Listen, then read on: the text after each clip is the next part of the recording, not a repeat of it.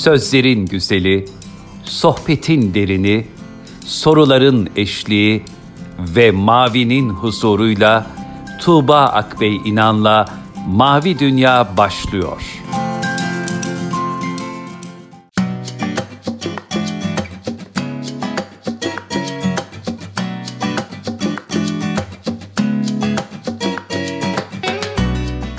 Merhaba, Tuğba Akbey İnan'la Mavi Dünya'ya hoş geldiniz. İkinci program konuğum Doktor Rabia Nazik Yüksel. Rabia hoş geldiniz programımıza. Hoş bulduk, teşekkürler. Aslında bu program fikirleri sizinle birlikte şekillendi. Önce teşekkür ederim. İnşallah birçok e, podcast yapma şansımız olur birlikte. Ben önce şeyden söz edelim istiyorum. Çok yeni bir kitabınız çıktı. Çocuk kitabı. Öfke Kuşları Orkestrası. Çocuklar için çok özel de bir anlamı var. Duygular açısından da e, öfke duygusunu yönetmesi açısından ama öncelikle şunu sorayım. Çocuklar ve duygu deyince ne dersiniz? E, çocuklar ve duygu deyince e, kendi çocukluk dönemlerimiz aklıma geliyor. Bizler e, sokaklarda oynayan son nesil olarak belki kendi yaşıtlarıyla büyümüş bir nesiliz. Bunun için birbirimize duygularımızı belki oyunlarla ifade ediyorduk sokakta oynarken.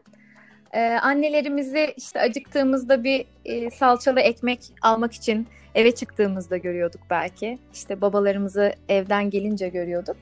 Duygularını tanıma ve tanımlama konusunda biraz e, nasıl diyeyim e, acemice e, bir dönem yaşadığımızı düşünüyorum. Büyüklerin de belki yönlendirmeleriyle. E, ama şimdiki nesilde çok daha farklı şeyler görüyorum. Onlar e, duygularını çok daha farklı şekillerde ifade ediyorlar.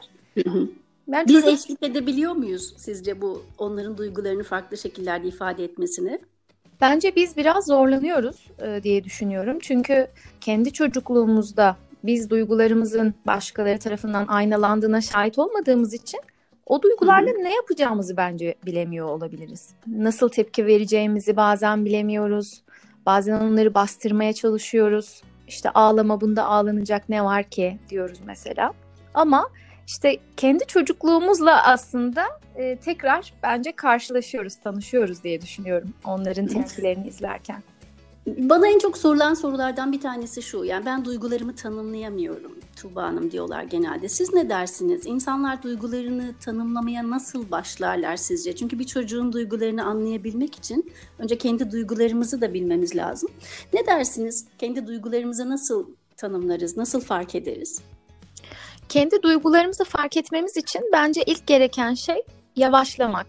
Yani hayatın olağan akışı içinde bir yerlere koştururken ya da zihnimizi sürekli bir şeyle meşgul ederek duygularımızı görmezden gelmek yerine örneğin şimdi sosyal medya hepimizin e, en çok işte elinde e, telefonlar var. E, kimileri başka şeylerle zihnini sürekli bir şeylerle meşgul ediyor.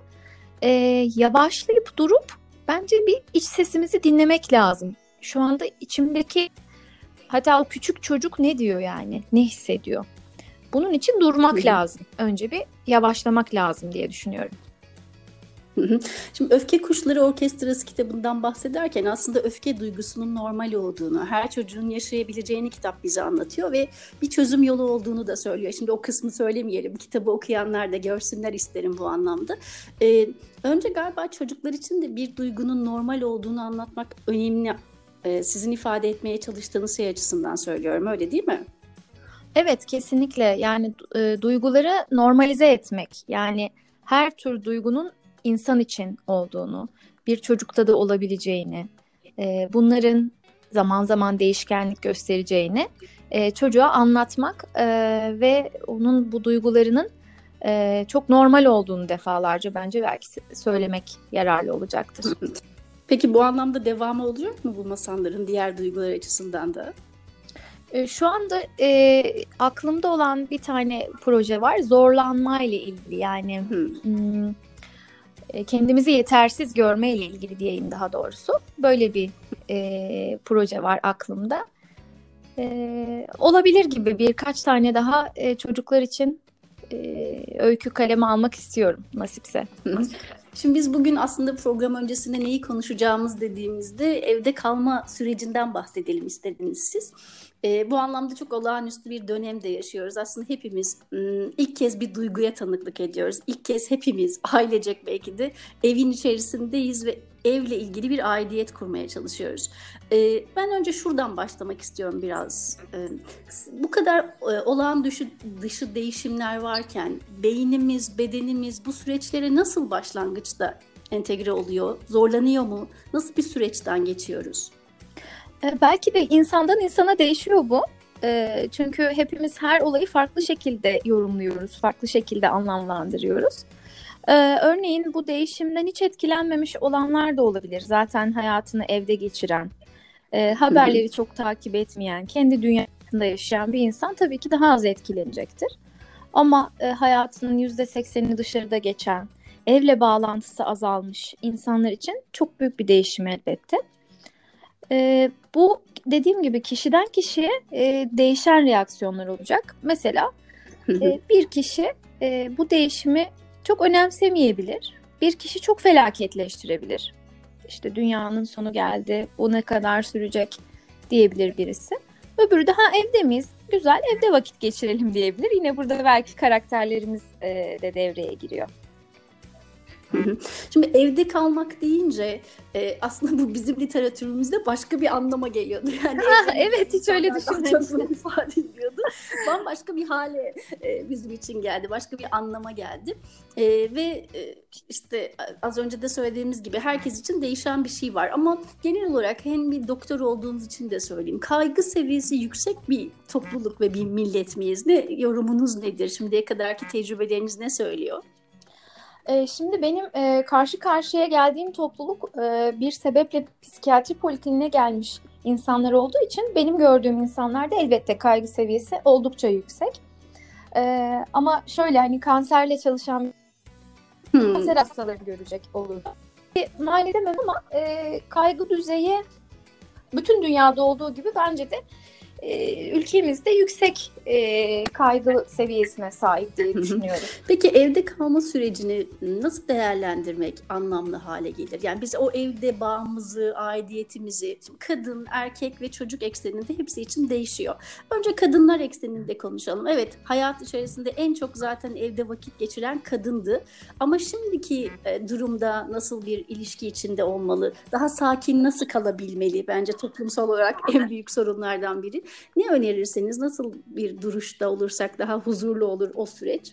Ee, belki de bütün bu yaşananların e, bir tatil değil, bir e, korkunç bir şey değil. Yani normal hayatın akışında evet bir bazı önlemlerden dolayı hayatımızın çoğunu evimizde geçireceğimiz bir dönem olarak görüp e, ne dediğim gibi böyle sınırsız bir tatilmiş gibi geç yatıp geç kalkmak, e, bütün sorumlulukları bırakmak e, gibi düşünülmemeli diye düşünüyorum.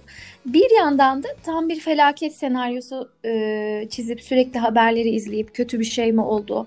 Eyvah bugünkü sayılar, rakamlar kaç oldu? Sosyal medyada ne paylaşıldı? E, diye bir yandan dediğim gibi hani ter, felaketleştirmemek lazım. Bir yandan da aşırı rehavetle hani bunu bir tatil dönemi gibi düşünmemek lazım. Bir ortayı yakalamak lazım sanki diye düşünüyorum. Peki insanların en fazla zorlandığı şey bu orta yolu bulma hali galiba. Orada duygu ve kalp nasıl bir eşlikle o orta yolu bizi çeker. Çünkü işte duygularımız çok yoğunken aklımız çok devreye giremiyor ya. O dengeyi sağlamak Hı-hı. için hangi o kalbi ve akli şeyleri buluşturmamız lazım bakış açısını? Belki de şöyle düşünmek lazım. Bizim insani olarak temel ihtiyaçlarımız var. E, kişilik olarak da ihtiyaçlarımız var. Örneğin insanın hem kesinlik ihtiyacı vardır, süreyenlik, süreklilik ihtiyacı vardır. Hem de belirsizlik ihtiyacı vardır. Birbirinin zıttı bu. Hani e, yin yang gibi dengededir bu aslında. E, bu belirsizlikle kesinlik denge halinde olduğunda e, insan daha iç huzur e, duyarak yaşar. Şimdi bunu biraz daha açabiliriz. E, mesela işte belirsizlik demek şu demek. Yenilik, keşif, macera, heyecan. Belirsizlik dediğimiz bu. Yani hayatta e, sürprizlerin olması. İnsan buna da ihtiyaç duyar. Hı hı. Bir yandan insan kesinliğe de ihtiyaç duyar. Belirlilik, süreklilik, güven, konfor, rahat. Şimdi e, bu ikisinden birindeki denge bozulunca haliyle duygularda da daha fazla kabarma oluyor. Önce şu şunu fark edersek mesela diyelim bizim şu an hayatımız bir belirsizlikte değil mi? belirsizlikte. Artık bu kadar belirsizlik istemiyorum diyor belki ruhumuz. Kesinlik istiyorum diyor. Süreklilik istiyorum, belirlilik istiyorum diyor. E, ama şunu e, şuna dikkat edelim. Hala belirli şeylerimiz var hayatımızda. Hala süre giden şeylerimiz var. Yani tamamen belirsizlik yok. Tamamen belirlilik de yok. Kesinlikte yok. Zaten hayat bunu kendi içinde dengeliyor. Biz e, bu belirsizlik hissimizden rahatsızsak süreyen rutin şeylerimizi yapmaya devam edersek o kesinlik süreklilik ihtiyacımız da giderilmiş olabilir. Nasıl mesela? Siz yine e, hani bu evde kaldığınız sürede ka- e, sabah kalktığınız bir saat, bir rutin, kesinlik. Ondan sonra yattığınız belli bir saat. Günlük kendinize ayarladığınız işte yemek saatlerinin rutin olması mesela biyolojik saat açısından kıymetli. E, yatma kalkma saatlerinin e, sabit olması. Hani dedim ya beynimiz bir yandan süreklilik de istiyor. Hı hı. Belirsizliğin karşısında. Biz eğer kendi rutinlerimizi yine devam ettirirsek, hayatımızı biraz daha düzen içerisinde bu dönemde koyarsak, beynimiz o dengeyi yakalamaya başlayacak. Hmm, belirsizlikler de var ama rutin işleyen bir şeyler de var, bir düzen de var hayatımda diyecek. Ama işte bu dengenin bozulduğunda kaygı olması kaçınılmaz ya da sürekli belirgin bir halde yaşasak, aynı rutinde yaşasak bu da ne olmaya başlar? Sıkıcı olmaya başlar. O zaman İkinci aslında... ihtimalle hı hı. Bu söylediğinizi her şeyde yapabiliyor, yapabiliriz benim anladığım kadarıyla. Yani hani bütün duygular nihayetinde zıtlıklarla birlikte. E, bu dengeyi şaştığında diğer bakış açısına doğru bakmaya ihtiyacımız var gibi mi anlamalıyız? Kesinlikle. Yani e, biri fazla olduğunda demek ki öbürüne ihtiyacımız var. Yani öfke çok olduğunda sükunete ihtiyacım var demek ve sükuneti sağlamak için çabalamalıyım. Hı hı. Ee, bir yandan aşırı durağan, aşırı rutin ya- ya- yaparsam hayatımı o zaman sıkılmaya başlarım, hı depresyona girerim. Bunalırım değil mi? Ee, yenilik katmak, belirsizlik, macera, heyecan katmak için ne yapabilirim? Yepyeni bir işi uğraşı bulabilirim kendime. Hiç bilmediğim bir konuyu merak edip mesela onunla ilgili zihnimde yeni bir pencere açabilirim e, rutinin dışına çıkabilirim burada da. Yani ama bunu nasıl anlarım? Neye ihtiyacım var? Ancak kendimi dinleyerek.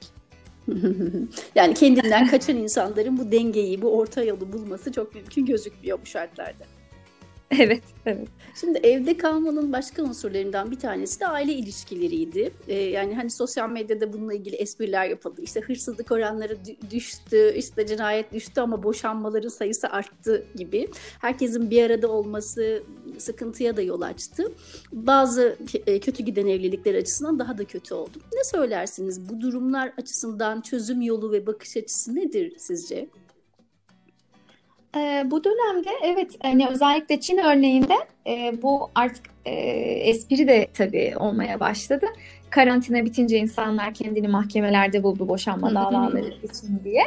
E, doğruluk payı olabilir gerçekten. Çünkü e, insanların e, bireyselleşmeye başladığı bir çağdayız ve öbürüne tahammül çok azaldı. Birlikte yapılan şeyler çok azaldı. Örneğin beraber bir şeyi izleyebilmek bile bir lüks oldu herkes kendi zevkine göre bir şey izlemeyi tercih etmeye başladı. İşte kadınlar başka bir dizi, erkekler başka bir dizi, çocuklar başka bir çizgi film. Herkes farklı ekranlarda. E, yeme saatleri bile mesela çoğu ailede işte ben geç kalkacağım diyor, ben öğlen yiyeceğim diyor. Biri erken kalkıyor, erken yiyor. Yani e, o kadar bireyselleşmeye başladık ve toplu yaşamaktan o kadar uzaklaşmaya başladık ki tahammülsüzlüğün artması çok beklenen bir şey bence de. E, burada ne yapmak lazım peki bu tahammülsüzlüğüne geçmek için? E, benim önerim e, öncelikle ailece yapılan e, yani bütün aile fertlerinin dahil olduğu bazı programları eklemek lazım. Yani e, kimse istemese de şimdi hani dedim ya bireysel ve ben merkezci olmaya başladık toplumsal evet. olarak. E, burada şu çok önemli. Ben aile değerim için ailemi bir arada tutmak için bu etkinliğe katılacağım. Hoşlansam da hoşlanmasam da. Ha bir film seçildi. Bir filmi seçmek de kolay değil değil mi Tuğba Hanım? Ailece izlemek için. Her işte, yaş grubuna hitap etmesi lazım. Çocukların, yetişkinlerin bir arada sevmesi lazım. Herkesin daha önce seyretmemiş olması lazım. Kimsenin böyle bir sürü şey var. Bunda bile bir hazırlık var yani. Kesinlikle öyle. İşte burada şöyle şeyler yapmamız lazım. Zaman zaman işte fedakarlıklar yapmamız lazım. Mesela diyelim bugün bir film seçildi. Ya da diyelim herkes bir film önerisi koydu. Kura çekildi, o seyredildi. Sizin tercih etmeyeceğiniz bir şey çıktı kurada. O gün sırf aileyle vakit geçirmek için onu seyretmeliyiz. Aileyle ortak bir espri yakalamak, bir anı oluşturmak için. Yoksa herkes kendi sevdiği şeyi yaparsa olmaz. O zaman şeye de benzer bu. Hani bir sofrada dört kişi varsa dördüne de ayrı yemek pişmesine benzer. Ee, hı hı. Ama biz zaman zaman en sevmediğimiz yani en sevdiğimiz yemeği de yememeyi öğrenebilmeliyiz. Aile olmak aslında bunu gerektiriyor. Yani mesela bir gün bir ferdin daha çok sevdiği bir yemek yapılır. Ertesi gün diğerinin. Ama e, herkes o yemekten yer. Şimdi burada haz odaklı yaşadığımız zaman şunu e, insanlar istiyor. Hani yemekte mesela diyelim sebze yemeği var. Biri diyor ki hayır diyor benim canım yumurta istedi ben kendime yumurta kırarım. Bakın bunlar aile olmaktan bizi koparan şeyler aslında. Ee, onun yerine... Küçük bir şeymiş gibi duruyor ama aslında etkisi çok daha büyük bir şeye yanı. Ne olacak ki dediğimiz pek çok şey aslında büyüye büyüye mesafeleri arttırıyor. Evet ben hani böyle düşünüyorum şey açısından. E, yani aile olmak istiyorsak e, bu ilişkiyi hı hı. sürdürmek istiyorsak e, her ferdin ailede her ferdin bazı şeyleri istemeyerek de olsa sırf aile birliği adına yapması gerektiğini düşünüyorum. Ama yok biz aynı evin içinde bireysel yaşayan kişiler olmak istiyoruz diyorlarsa bu da bir tercih. Kimseyi aile olmaya zorlayamayız. Tercihler devreye giriyor burada. Onu da tercih edebilirler. O zaman ne gibi olur? Ev bir otel gibi olur. Bu sefer sen bu tabağı niye şuraya koydun? Bu saatte niye yemek yeniyor? Kavgalar çıkmaya başlar tabii. Tabii her işi ben mi yapacağım? Hı. Burada sen de görev al falan gibi şey rekabete dönüşen bir ilişki haline de gelmeye başlar galiba değil mi? Peki kavramların zihnimizdeki hali bu evde kalma durumunu belirliyor mu? Yani ev bizim için bir hapishaneye dönerse, işte bizim için kapatılma hissi ise bu aslında o yaşadığımız şeyi atlatmamızı zorlaştıran bir şey oluyor mu sizce? Kesinlikle öyle. Ee, bir de mesela e, ev hiçbir zaman bir hapishane olmadı. Tam tersine bir evime gitsem demez miyiz? Ee, en sevdiğimiz bir yere evet. tatile gitsek. Ee, ya da mesela yani en güzel tatilim bile artık siz 10. gününde 14. gününde evinizin rahatlığını ararsınız. Ya da bütün gün işlesinizdir. ah evime gitsem de bir ayaklarımı uzatsam dersiniz. Hatta evlenmişsinizdir. Ee, annenizin evine gittiğinizde evet. kendi evinizde olduğunuz kadar eskisi kadar rahat edemezsiniz. Herkes kendi evini arar yani. Ee, evde kalmakta sorun yok da e, bu kısıtlanmış olma hissi insanları muhtemelen tedirgin ediyor. Yani e, dışarı çıkamayacak olma, sosyalleşemeyecek olma. Ama ben az önce bir akrabamla konuştum. E, dedim ki hani evet sıkılabiliriz ama belli bir, bir süre sürecek bu. Sıkılsak da geçecek bu süre yani hani sıkı, sıkılmak da e, olabilir insan hayatının bir döneminde. Her zaman çok keyifli, çok zaman akarak yaşamıyoruz hayatı. Sıkılsak da geçecek yani bu süre. Öyle bakmak lazım. Sonsuz gibi düşünmemek lazım. Bu İlk dönemler, ilk süreçler bir sürü tavsiyeler vardı. Hatta şimdi de sosyal medyada canlı yayınlar var, bir sürü tavsiyeler var. Şunu izleyebilirsiniz, şunu okuyabilirsiniz, çocuklarınızla şunu oynayabilirsiniz gibi. Bu, buna nasıl bakıyorsunuz? Yani hayatınızı belirleyen şey çok fazla ötekilerin tavsiyesi üzerine mi şekillenmeye başlıyor? Ee, belki de evet e, birbirimize çok e, birbirimizin hayatını tabii merak ediyoruz. O nasıl geçiriyor karantinayı, bu nasıl geçiriyor? Ama aslında tabii sosyal medyadan buna vakıf olmamız mümkün değil. Çünkü orada sadece küçük bir parçasını görebiliriz. Ee, geçen şunu düşündüm. Ee, kızımla bir etkinlik yapmıştık ki bu sürede pek etkinlik yaptığımız söylenemez. Bir kere yaptık yani. Onun fotoğrafını çekip sosyal medyaya koysam ve deseydim ki şöyle etkinlik yaptık, bundan şöyle verim aldık diyebilirlerdi ki Rabia Hanım da çocuğuyla ne kadar ilgileniyor. Halbuki ben bu karantina süresinde hiç etkinlik yapmadım. O kendi legolarıyla oynadı. Bazen kitap okuduk vesaire ama e, şimdi bizim her zaman için hani komşunun e, tavuğu kişiye kaz görünürmüş ya. her zaman için ötekinin yaptığı kıymetli sizin evinizdekinden çok iyi bir şey olmasa bile ötekinin ya yani erişemediğimiz bir şey ya. Ee, orada bence insanlar bir savunma mekanizması olarak bunları yaptılar. Bunu da normal karşılıyorum. Yani bununla böyle baş edelim. İşte kendi çok verimli geçirelim.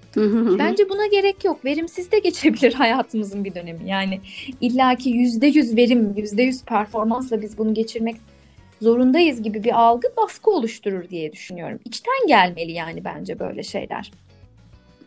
Şimdi e, aslında sosyal medya çok fazla e, bir taraftan da eleştirilen bir, yere dönüştü ama bir taraftan da şöyle bir gerçek var ki bu evde kalma sürecimizde bu paylaşımlar e, en azından o yalnızlık hissimizi de alıp götüren bir şeye dönüşebildi galiba değil mi? Yani o anlamda sosyal medyayı kullanma, e, bakış açısını nasıl sağlıklı buluyorsunuz? Nasıl bakarsak aslında sağlıklı bir şeye dönüşmeye başlar? E, bence birbirimizden güzel şeyler de öğreniyoruz. Ben öğreniyorum şahsen. E, güzel bir filmi öğreniyorum, güzel bir kitaptan haberdar oluyorum. E, bir tarif görüyorum aklıma gelmeyen mesela ya da yeni bir sanatsal bir aktivite görebiliyorum. E, yani nasıl baktığımızla ilgili her şeye zaten hakim olamayız ya da her şeye her şeyi gördüğümüz gibi yapamayız ama e, fikir almak, ilham almak, bazen eğlenmek, bence mizah yönünü de kaçırmamak lazım hayatım. E, bazen eğlenmek, bazen sadece duygu dışa vurumu yapmak. Yani sosyal medya sınırlı ve ölçülü kullanılırsa bence insana ufuk açıcı bile olabiliyor diye düşünüyorum.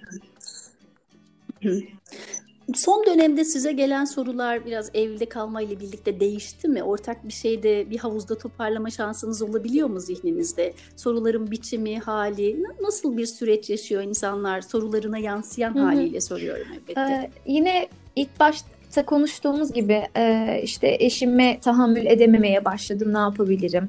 İşte çocuğuma çok bağırıyorum ne yapabilirim? e, işte çocuğuma bağırdım çocuğumda travmatik bir etki bırakır mı? Bu tarz şeyler görüyorum galiba biraz e, bana yazanlar daha çok çaresizlik hissi ya da e, öfke kontrol sorunları e, sebebiyle yazıyorlar bir de iletişim e, sorunları nedeniyle. E, bu da böyle bir süreçte tabii olabilen bir şey. Yani e, insanız bazen öfkelenebiliriz, bazen tükenmişlik hissedebiliriz. Belli şeyleri az önce de dedik yani rutin yaparsak, sürekli rutin, rutin, rutin, yeni bir şey hiç eklemezsek, e, dayanışma içinde olmazsak, dayanışma bence çok önemli. E, nasıl dayanışma? Evet. E, ailemizle yüz yüze görüşemiyorsak işte görüntülü görüşmelerle, bazı gruplar kurarak, oradan anlık paylaşımlarla e, bir kontak halinde olmak bence. Yine insanın temel ihtiyaçlarından birisi. Hı hı. Bağlantı kurma, yakın olma, görme, görülme, hani biri tarafından e, varlığının görünmesi ihtiyacı var hepimizde. E, bunun için dayanışma çok kıymetli oluyor burada tabii. Şimdi e, bugün ben e, sosyal medyada da paylaşmıştım. Kızlarımla yaptığımız bir sohbet sonrası. Hani onlar her şeyi aslında bundan önce tecrübelerimle e, anlatmaya çalıştım. İşte biz de çocukken bunu yaşamıştık, gençken böyle olmuştu falan diye ama şu dönem hakikaten hiçbirimiz Hı-hı. için bir tecrübe Hı-hı. değil. Hepimiz aynı anda bir tecrübeyi yaşıyoruz aslında. Bu anlamda hani kimsenin kimseyi tecrübeyle dövdüğü bir süreç yok. Ben bunu biliyorum, daha önce yaşamıştık dediğimiz hiçbir şey yok. Her şey çok belirsiz ama ke- kendi tecrübelerimize ait olan bir şey var ki o da zamanı, anı nasıl değerlendirdiğimizle ilgili bakış açımız. Belki bunu verebiliriz. Peki bu ortak tecrübe sizce bu süreçten nasıl çıkmayı beraberinde getirir? Elbette insan sayısı çok önemli ama şey açısından sorayım. Yani bilinçli en azından bu süreci biraz düşünme, biraz kendine dönme süreci olarak değerlendiren insanlar adına sorayım. E, bu süreç bittiğinde inşallah bu evde kalma süreci bittiğinde sizce nasıl bir yol bizi bekliyor olursa daha sağlıklı? Ee, belki bu dönemde eğer e, iş yoğunlukları ya da ev işi yoğunlukları, ev e, hanedeki hani kişi sayısı çok olmayan kendiyle de vakit geçirebilen kişiler için e, güzel farkındalıklar olabilir diye düşünüyorum. E, çünkü birçok insan aslında kendiyle, eviyle baş başa kalmak istiyor. E, ama bir yandan sosyal hayattan da kopamadığı için tam bir o ev hayatını yaşayamayan birçok insan sayabiliriz. E, hiçbir şey olmasa komşu hı hı. oturmaları, günler, misafir ağırlamalar, pasta, börekler bir ev hanımı için söyleyelim. E, ya da normalde çalışan bir insan... Hı hı hiçbir zaman evinde bu kadar uzun süre vakit geçiremez. Yaz tatili olsa şehir dışına bir tatil planı yapılır vesaire yine o evde o vakit geçmez. e, çalışan ve bu dönemi evinde çalışan arkadaşlardan e, duyduğum şey e, bu dönemin kendilerine iyi geldiği yönünde mesela. İşte ilk defa ev benim evimmiş gibi hissediyorum. e, yani çünkü hmm. e, ben de çalışan e, biriyim ve gerçekten e, ev tamamen evet. sizinmiş gibi olmuyor. E, nasıl olmuyor? Mesela evde bazen neyi nereye koyduğunuzu unutabiliyorsunuz. Hani evle çok hemhal değilsiniz ya evin her köşesiyle. Ee, o yüzden hele de e, eğer temizliğe de bir yardımcı geliyorsa evle hemhal değilsiniz. Biraz daha misafir gibisiniz evde. Ama evin işleri de sizin elinizdeyse bütün düzeni, işte onunla daha çok vakit geçirme, çiçeklerinizi bes işte e, büyütme, kendi kişisel e, işlerinize vakit ayırma. Bu dönemde belki işte hayatın koşuşturmacasından neyi kaçırdığımızı görmenin bir fırsatı gibi. Yani hayatımızda trafik olmasaydı, kalabalık olmasaydı, bu işte gitmeler gelmeler olmasaydı nasıl bir hayat olurdu onu tecrübe ediyoruz. Çok özel bir deneyim aslında bu. bir de bir taraftan şöyle bir şey yok mu mesela hanımlar için? E, aniden misafir gibi bir sendrom yok mesela. Kimse gelemez. Ortalığın dağınık olması hani başkaları için bir problem teşkil etmiyor. Kayınvalide gelin ilişkileri açısından artık görüşmek evet. gibi bir zorunluluk yok eğer çok yakında değilsin. Bir taraftan bu anlamda da hani evliliklerin kendi başına kalması, toplumsal baskılar, el alem ne der şeyleri Kesinlikle. de aslında Tamamen çekirdek aile öze dönüş oldu belki de. Ee, eğer işte ama aynı evin içinde hala bireysellik sürdürülmüyorsa az önce dediğimiz gibi. E, bu arada onu konuşurken e, aklıma şunu geldi, şunu da tamamlamak isterim. Hani dedik ya e, aile olmak için beraber geçirilen zamanlar dedik. Onun ikinci ayağını söylemedik. Evet. E, onu da söyleyelim ki eksik kalmasın. E, tahammül seviyemizi artırmak ve daha kaliteli vakit geçirmek için hem ailece yapılan şeyler bence olmalı hem de bireysel de olmalı. Yani bir odaya geçip her birey e, kendiyle vakit de geçirebilmeli. Yani 24 saati de beraber geçirmek sağlıklı değil. Hani her bireyin ayrı geçirdiği saatler evet. olmalı. Beraber mesela bir meyve saati, çay saati. Hadi herkes işte mutfakta toplanıyoruz gibi. Ondan sonra herkesin köşesine çekilip kendi kendiyle işte kitap mı okuyacaksa, arkadaşlarıyla sohbet mi edecekse, bir hobisiyle mi uğraşacaksa bireysel enerjisini de beslemeli ki tahammül gücü artsın. Ee, aksi takdirde işte e, fazla e, hemhal olmak da insanı yorabilir. Peki burada hani o iletişim dili ne olmalı sizce? Çünkü hani çocuklarla e, genel olarak hani annelerin şikayet ettiği hususlardan biri işte babaların çok ilgilenmediği zaman zaman süreçler olabiliyor. Burada hangi iletişim dilini sağlıklı buluyorsunuz? Yani benim bu zamana ihtiyacım var Tamam, bunun farkındayım. Ama öner, önerilen iletişim dili ne olmalı? Ee, çocuklar sizce? için mi yoksa? E... Hayır. Aile, yani bu bireysel şeyi nasıl e, anlatmalıyız ailenin diğer fertlerini? Çünkü galiba burada temelde bir ihtiyaçta bir sıkıntı yok ama bu hayata geçtiğinde temelde sıkıntılar olmaya başlıyor. Biri birini anlayışsızlıkla suçluyor, öteki birbirini zorluyor filan. Buradaki dilin nasıl olması gerektiğini düşünüyorsunuz? Ya da daha sağlıklı Burada sanırım e, e, evin bir rutininin olması bunu ifade etmeyi kolaylaştırır. Hani evin rutinleri ve hep beraber yapılan şeyler bellidir. Hmm. Onun dışında kalan vakitlerde yemekte mesela herkes bir aradaysa orada ifade edilebilir. Sofrayı hep beraber topladıktan sonra bir saat ben odamda olacağım. Şunu yapmam gerekiyor. Bu şekilde. Yapabilir miyim dememek lazım bence. ee, hani benim şöyle bir ihtiyacım var. Şu saatte şunu e, yapacağım gibi. Ama küçük çocuk varsa orada tamamen denge değişiyor.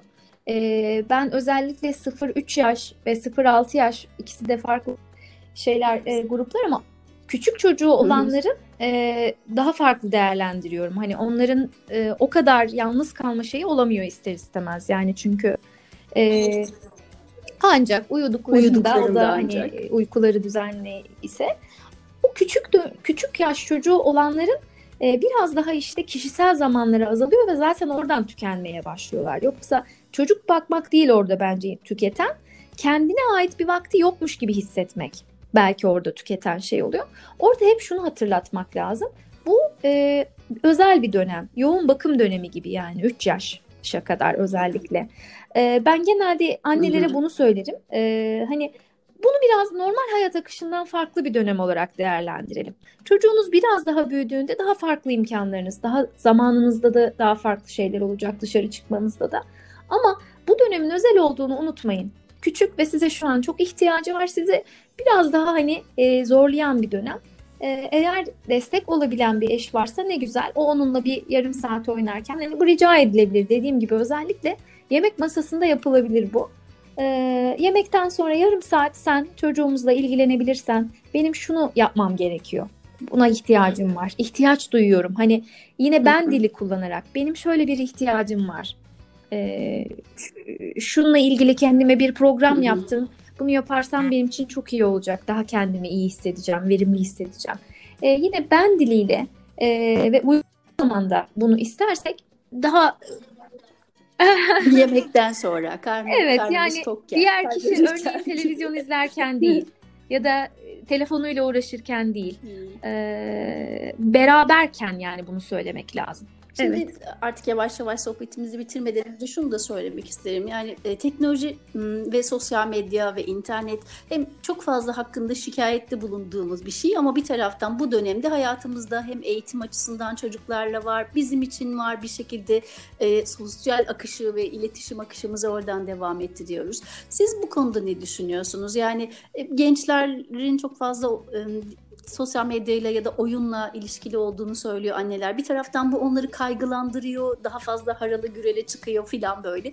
Nasıl değerlendiriyorsunuz? İlişkimiz ekranla olan ilişkimiz ekranla nasıl olan olmalı? ilişkide sanırım eğitimde ekran bu döneme has özellikle soruyorum. Hmm. Yani hani genel olarak bu döneme has bir çünkü ayrıca bir şey yaşıyoruz. Bu dönemdeki o fazlalık birazcık vakit geçirmek sonrasında ben tolere, tolere edilebileceğini düşünüyorum. Soruyorum. Zaman zaman esnemekte yarar var. Ee, sadece meşgul olunan şeyin içeriği bence çok önemli.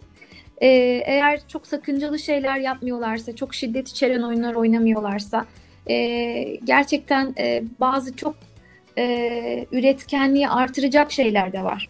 E, programlarda var. Bazı çocukların yaptığı YouTube'da falan şeylere denk geliyorum. E, program yazılım işte Scratch diye bir program var. Mesela onu kendi kendine keşfetmiş, videolar atmış. Ne yaptığı bence önemli. Ne kadar süre geçirdiğinden ziyade. Çünkü e, ekrana temasımız arttı artık bunu önleyemeyiz. Dersler de oradan. E, ama ne giriyor zihnine? Burada bence anahtar şey bu. Saatten çok içeriye odaklanalım derim ben. Peki çok teşekkür ederiz programımıza katıldığınız için. Son ben teşekkür ederim. Keyifli bir, bir şey sohbet oldu. Özlemişiz sohbet etmeyi de. Evet evet inşallah başka bir programda yine birlikte başka bir konuyla sohbet ederiz. Çünkü çok güzel ve çok önemli. Hem sesinizden aldığımız enerji hem söyledikleriniz pek çok insana da ben şifa teşekkür ederim. Görüşmek üzere. Çok teşekkür ederiz. Sevgili dinleyenler bugün programımızda Doktor Rabia Nazik Yüksel'i ağırladık ve birlikte evde kalmak hususunu konuştuk.